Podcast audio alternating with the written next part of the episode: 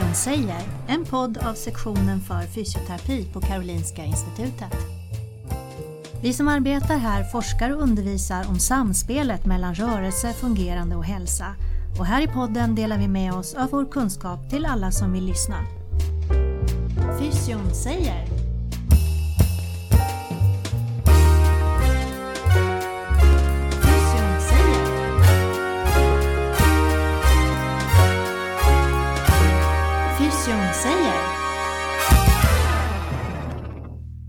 Ja, välkommen till Fysion säger. Mitt namn är Wim Groten och jag jobbar på Karolinska Institutet, vårdvetenskap och samhälle. Och eh, sektionen för fysioterapi. Dagens ämne, objektiva mätningar. Om jag nu tänker rätt, men vi kanske hamnar lite på olika ställen. Och jag har en eh, speciell kille bjudit in idag. Han heter Lucien Bezuidenhout. Eh, och eh, som ni märker det här är ett litet annorlunda namn. Ett sydafrikanskt eh, namn som jag som holländare gillar väldigt mycket. Bezuidenhout. Uh, so I will change into English and uh, I will uh, say hi to my friend Lucien. Welcome to the pod. Thank you very much, Wim. A little bit about your background, Lucien. You, you are from South Africa, but now you're living in Sweden. Yes, um, I moved to uh, Sweden roughly a year ago um, from South Africa, as you rightfully said. Um, my background is um, not in the physiotherapy field, but I'm an applied physicist. Um, so, briefly speak about my projects or what I'm uh, doing in the physiotherapy environment. Yes, we used to have physical therapists at our, our pod, and säger, but it's nice to have a physicist as well. yes, yes, indeed. Uh, I think there are two lines in physical therapy research. One is saying, okay, we need objective measures. Uh, we don't want to have the subjective parts of the patient, the beliefs on how the treatment is perceived, but we want to have objective measures. How much is the strength increased? And on the other hand, uh, we have the line saying, hey, it's most important how a person perceives the effects of a rehabilitation, like the prompts. What do you think about this dualism existing in physical therapy research? Yeah, I think it's uh, very important, and uh, in that statement that you should include um, the patient, the patient self-perceived um, measurements of their ability. But you know, sometimes um, the patient self-perceived uh, is biased. You know, like Mhm. uh, you could sit and you, I could ask you, um, how, on a scale of one to ten, how strong are you? You Yeah. know, and obviously you would say I'm a a high number or eight, nine, ten. You see, Yeah. so so we need an objective markers, but sometimes uh, we cannot measure um, everything objectively. So we need some sort of uh, subjective um, way of of of, um, of measurements, and I, think it's very important we have a a um, combining the two Yeah. um, uh, going forward. But in saying that, objective markers obviously a little bit more accurate um, way of measuring things, but there is also still some some uh, faults in in the method uh, in the objective markers, uh, in Yeah. especially in in um, this um, accelerometers that they're Yeah. using in the, for physical activity measurements, and Yeah. that's basically what my research is about: is new method development. Yeah. Just uh, before we start, um, I read a little bit your background, and I see you have uh, like a master in digital signal processing and more like the really the physical uh, parts, and you, you have been measuring earthquakes. yes, yes. I mean, uh, uh, I sometimes see myself as a jack of all trades. Um, during my masters, I did renewable energy, uh, signal processing, and PhD um, earthquakes. So measuring the the sound of the earth and using that to actually uh, map where oil and gas is in South Mm. Africa. And that's the strength that I've been bringing into the physiotherapy environment um, because they have all these devices that they put on the, the, the patients. Yeah. And uh, with the dis- digital signal processing, um, um, um, I can do some analysis for them, a more accurate way of of uh, analyzing and not just um, pressing a button and from a software and seeing there's an output. Yeah. Um, uh, you, sometimes you need to know what that button is doing, and that's basically what I'm uh, doing at Yeah. the moment. So we are so happy that you are in at our division, and uh, you are um, working for fifty percent at uh, something that's called U Move. Can you talk a little bit about it? Yes, um, so I'm 50% in the UMOVE. It's a core facility. So Yeah. it's a facility that um, uh, uh, where um, people, um, uh, students, other researchers, and um, and even the industry can come and we do some physical activity measurements. And my other 50% is um, as the research physical activity monitors. But at the UMOVE, we mainly um, um, are interested in, or what we're doing there is. Um, measuring brain activity Yeah. in, in uh, while doing dual tasking Yeah. and it's a new technique that uh, it's called FNIRS, so functional near infrared spectroscopy. Yeah. So it's an optical um, uh, measurement device of, or optical imaging device of the brain. Hmm. So utilize the optical properties of blood flow. Yeah. So you can imagine when when you have an activity, resources um, like like oxygen is the the, the, the plenish in your in your brain. Yeah. So you need some to, to refuel it. So Yeah. when this oxygen uh, is um, transported to the uh, or transferred to the brain Hmm. uh, through the, the protein called hemoglobin. Hmm. So when that happens, we shine a uh, near infrared light, Okay. laser light through the brain. Yeah. So you have a source and you have a, a detector Yeah. on the brain. So when the, the light's are shining through the brain, the, the hemoglobin absorbs the Hmm. infrared light. Yeah. Right. So we can measure what's coming out. So knowing how much is absorbed, Yeah. we can infer some sort of brain activity. Oh, interesting. Yeah, um, yes. So we're testing this currently with um, dual tasking. Especially, this is especially important for people with uh, disability or, or Yeah. diseases. Uh, Yeah. People like Park, uh, that has Parkinson's. Yeah, very interesting. Do the FNIRS have any advantages compared to other uh, brain imaging uh, systems like uh, MRI or something like that? It's more portable in the sense that you can measure someone's brain activity in uh, a comfortable environment, like either laying, sitting, or Yeah. standing, or even walking. Yes. Uh, where you you can imagine you're more confined inside a box uh, with, Yeah. with the MRI, doesn't exactly. work. exactly. So um, that's one really great advantage uh, that, that that this new technique has. Um, it also you don't need to have some sort of boxed off environment No. for, or shielded environment Mm. from ra- radiation No. And so forth. Um, it's safer. Yeah. Um, you can do multiple measurements on, so you're not bombarding the, the body or No. the brain with radiation. No. And you don't need to be a licensed person. You can imagine to Ah. work with radiation, you need probably need some sort of license. But with uh, FNIRS, you can Physiotherapists can do Ex- it. exactly. Ah, you see, so it, it's got these um, advantages. Um, so generally, um, um, it's got a, a resolution of about two to three centimeters within inside the brain. Yeah. Um, and that's kind of limited on in the spatial resolution in that Yeah. sense. Um, but it's a very very uh, good technique and it's evolving more like a new way of of uh, measuring uh, brain activity. Yeah, and then you, you measure which parts of the brain are active. Is that uh, Yes. the question? the, the the coverage of the brain is dependent on how many source and detectors you you have. So obviously, if you if you have if you want to cover the the entire brain, you can Mhm. add more source uh, and detectors. At the moment in the UMO facility, we have an eight by eight, so eight sources and Mhm. eight uh, detectors. So Mhm. it's a sixty-four pairing, and it covers a relatively small uh, area of the brain. So at the moment, we're currently measuring the prefrontal frontal cortex. Yeah. Um, because we we want to see the the cognitive uh, part of while doing some dual tasking. Yeah.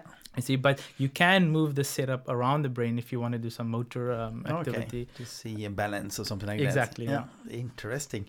Uh, and I know that you are currently looking for subjects. Is it still open for people to join this uh, interesting research? Yes, indeed. I mean, we are busy with uh, a feasibility study, Yeah. a real reliability test, retest. Um, uh, in uh, people um, in the age group of 18 to 55. Yeah. It's you can imagine that this during this Corona uh, period, it's been tough to get some subjects, Hmm. but we really need um, uh, if you're really interested in this this device and how it works. I mean, you can pop by the UMove, we can show you, and you Yeah, can be a participant in our in our study. Mm. I think this is very interesting. Uh, physiotherapists have used this technique before. Yeah, I mean, it's a as I said, it's a growing technique of uh, brain imaging. I mean, uh, the, the, largely due- to the the mobility that's associated Yeah. with it. I mean, as I said, you can measure someone in their own environment. You know, like I some pro, some projects have been measuring people playing uh, table tennis, ping pong. Okay. you know, so which is very limited by the other techniques. Um, Yeah. So it's a growing field in Sweden. I'm not sure. I know there's um, there's uh, two other universities that has the, the devices, Yeah. but they're also in the, the infant stage of, Of of the, the, the yeah. yeah. I mean, we have had the device, the FNIRS device now for roughly a year now, Mm. and um, we are doing, as I said, the first um, feasibility study um, Yeah, amongst amongst um, young, healthy, or young and older adults. Interesting. Thank you very much for this information on that. So uh, objective measures, uh, and then we know which brain it is. But uh, you're also into other kind of measurements. Uh, for example, this accelerometers is very popular now among physiotherapists. Is an is this objective measures, or what do you think? yeah, it, this physical activity monitors. Uh, Yeah. It's been uh, the industry or um, Yeah. the, the world by storm. Mean, you see people wearing these uh, smart watches that gives you the number of steps and uh, Yeah, a day and and um, I've been actually doing some research in this and really the accuracy of these things are for lack of b- better word terrible Okay. Yeah. Um, Everybody listen now, or now we know ex- the expert is saying. yes um maybe I shouldn't be studying yeah, no, terrible. no, it's on the. it's Yeah. on tape now. No. Yeah. yes. Um, so, uh, I mean, this um, accelerometers um, Yeah. has been, been has been used for a couple of years um, Yeah. by physiotherapists to measure physical activity uh, amongst people in their home Yeah. or their free living environment. Yeah. And generally, they use the hip-worn sensor Yeah. because of uh, the relative ease of just putting a belt on. Yeah. You know, but you can imagine that these accelerometers they work they work on amplitude impact. So if you take a step, your amplitude increases or decreases from your foot upwards. Yeah. Right. So if you take a small or slow step, Mm. this amplitude is not that high. Mm. Right. So to, to the hip sensor. So you can you you can imagine that that it oh underestimate Yes. the the the, The the person's physical- physical activity Yeah. um, in the home environment, Mhm. and this has been uh, uh, recently documented. And we kind of did a experiment um, in the lab, and you were a subject. uh, Yes, of- I of this. remember. I need to walk very slow, and then I had a couple of sensors on my body, and you were in, interested in which sensor measures the right. I remember I had one on my uh, ankle as well. Yes, yes. So we had um, in that uh, experiment we had um, a, a sensor on the ankle and then on the hip Mhm. um, and on the wrist. And um, we asked you to walk from self-selected speed to slower speed. Yeah. And the, the overall results, and we, we're busy um, publishing it now, is that the, the accuracy of these uh, sensors drastically decreases below 0.8 uh, meters per second. Yeah, and this is especially important for people that has disability, Mhm. people with stroke, Yeah. uh, Parkinson, that walks at this speed. You know that Yes. how this accuracy drops, and it's even terrible for the hip-worn sensor, which is what people mostly use out there. So we need to kind of sit back and and and uh, as a community and say, oh, listen, yeah, we're using the senses but Yeah. are we using them correctly? Yes. Do we need to redefine these these so-called cut points that Yeah. we're defining as a as a, a, a threshold So, yeah. for uh, for a step taken? Yeah. Um, So uh, that's a nice way of thinking because otherwise you can think, okay, it doesn't work. But you're as, as a signal processor, you're thinking, what can we use of the signal? exactly. And to change the cutoffs is the way of get the information right. Exactly, and and I mean it, it is difficult for uh, I mean you're working with people that the, the human body that moves differently throughout Mhm. different people, um, uh, different disabilities, you know. So it you really need to um, to have an overall real look at how you can define it per subject or Yeah. group um, uh, on a group level in that sense. Um, but I mean, it's something that we are looking at, and we know we need to to change. I mean, we uh, you can't. I've seen so many papers that's that's been published on these hip-worn sensors, In, and in when people walk slower than Yes. opened eight. exactly, and and and then they have this sort of physical activity outcome. Um, over a day, over a week, Yeah. you know, and I'm just imagining how much of this underestimating or overestimating in that Yeah. sense. If you're moving too quickly, Yeah. you're overestimating. So it's it's this sort of balance that that um, we need to look at. Look, really Yeah, look at. that's why we need this kind of guys in physical therapy. you, you, I, I know that you feel a bit like an outsider. Yes, uh, definitely. I mean, it's been a very interesting year, uh, year for me, um, coming to the physiotherapy environment, um, uh, not knowing much about the field. I mean, uh, I've just thought it's people that just work with muscles, you know, and like Yeah. I've got a muscle injury, and and and then I go to a physiotherapist and he sorts me out. But but to, to see the, the sort of research that that's being done at KI, the physiotherapy department, you're looking at different uh, brain activities, different um, um, uh, pa- uh, patients from stroke, Yeah. MS, all over. Um, so it's it's been really interesting to see the, the research being done. Mm, great. Yes, objective measures in physical activity. I think there were other methods than those uh, activity measures. What do you use more?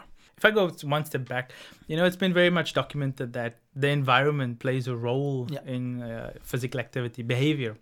You know, your, your social participation Yeah. in that sense.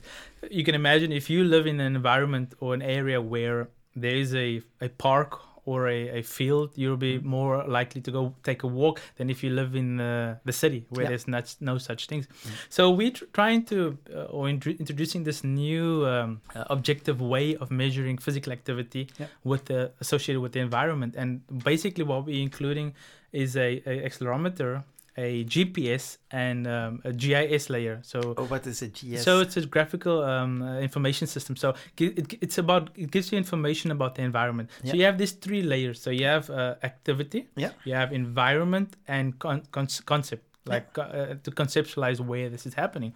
And basically, that's what we've been doing. And you can imagine it's very important now with this corona, uh, this pandemic, you know, Mhm. where uh, this you had this risk group that had to stay at home Mm. and couldn't go out to places. So um, so we kind of we, we send these devices to them and we we measure their their, their position and their um, activity and see how active they are in their environment. Yes. And what do you think you will find for results? I mean we we we probably think that um, the older people will will more well they're confined to their home Mm. and they will probably be um, uh, lightly active in their home environment. Yeah. Uh, it's older people with disability, and um, the younger people that we are, um, we we also give the devices. They are more active and they move around. Mm. You see, so um, so that's what we're trying to see, and it's also it's in the feasibility phase of, Yeah, of the study.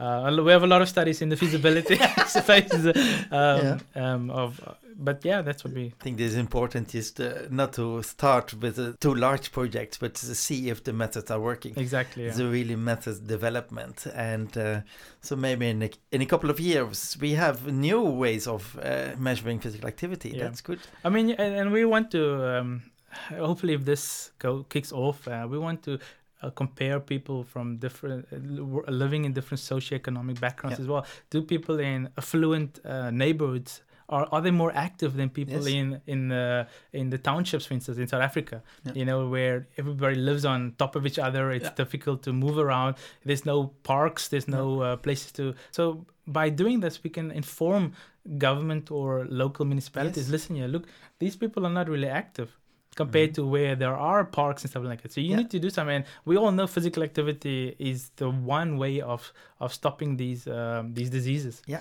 You see, so that's the idea of of what we're trying to do with this. Uh, uh, spatial um, behavior, uh, spatial physical activity behavior. Interesting, very interesting. Uh, but then back again, an accelerometer does measure if you're active, but it doesn't measure how active and what you're doing. And we know there's some activities that are health promoting and other ones are not health promoting. But uh, can we learn the accelerometer to differentiate between he- health promoting activity and health? Uh, Yes, there's definitely there's a, uh, recently been a lot of work done in uh, machine learning. Yeah. So basically, you have this uh, this time series signal from the accelerometer. So can this accelerometer, can you this machine learning algorithm pick up what the you're doing um, over the day? You Yeah. know, for instance, are you washing the dishes? Are you sitting still for, or Yeah. laying down or or vacuuming, whatever? Can you teach this this algorithm to actually look at the signal and see what are you doing during the day? So there's a lot of work being done in that because as you, as you rightfully say, I mean, we measure stuff, but we don't know what we measure. you know, it's it. I mean, for instance, I could be sitting still, Yeah. and and this thing could this accelerometer could be on my hip, but I can just be moving on my chair. But you have these signals, uh, these spikes, and this these cut points, and this. They would be, be perceived as I'm doing an active Yeah. uh, activity, but Mhm. I'm basically sitting, sitting. still Yeah. you know so these sort of things um, really is important going forward can we distinguish between purposeful activity Hmm. and non-purposeful activity Yes. in that sense Yeah, good.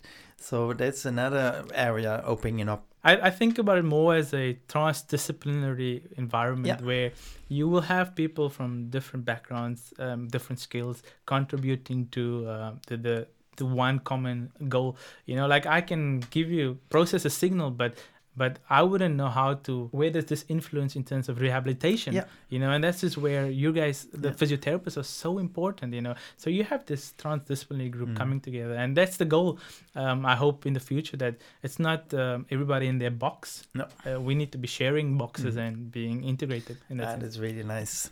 Take home message here. In this pod, we used to have one topic. It's called like myth. If if there are any myth about objective measures, what do you think? Yes, um, myths. I, I think the most important thing is is this: um, you measure something and you use these softwares like a black box. You Mm. know, like you download the data, you press some button to filter some, and then you get time spent in an active state or time spent in sedentary Yeah. or number of steps and, and so forth you know and really it's it's it's- one needs to go f- further. It will be rubbish in rubbish out you know. You need to s- go and see what this black box d- does you know. And it's again with these cut points you know. It, Yeah. it's very very important that you need to kind of redefine the, these Mhm. cut points. And that's why i stressed it on it a little bit earlier that that we need to come together as a community and see where we're going with these cut points. Yeah. You know, is 100 counts, less than 100 counts per minute um, uh, enough for sedentary? Yeah. You know, um, these LMPVA or light to moderate activity or vigorous activity, are these cut points really good enough? Because as I said, I can be wearing device and just moving fidgety in Mhm. my chair and that will be seen as I'm being active. Yeah. You know, so how do we go back? And I think a lot will be with this machine learning can we teach the the the the, mach- the algorithm to pick up what the activity is and then have a more uh, accurate way Mm. objective way of measuring activity But for for a normal physical therapist or people who has this eye this eye watch, can they do it? Can they?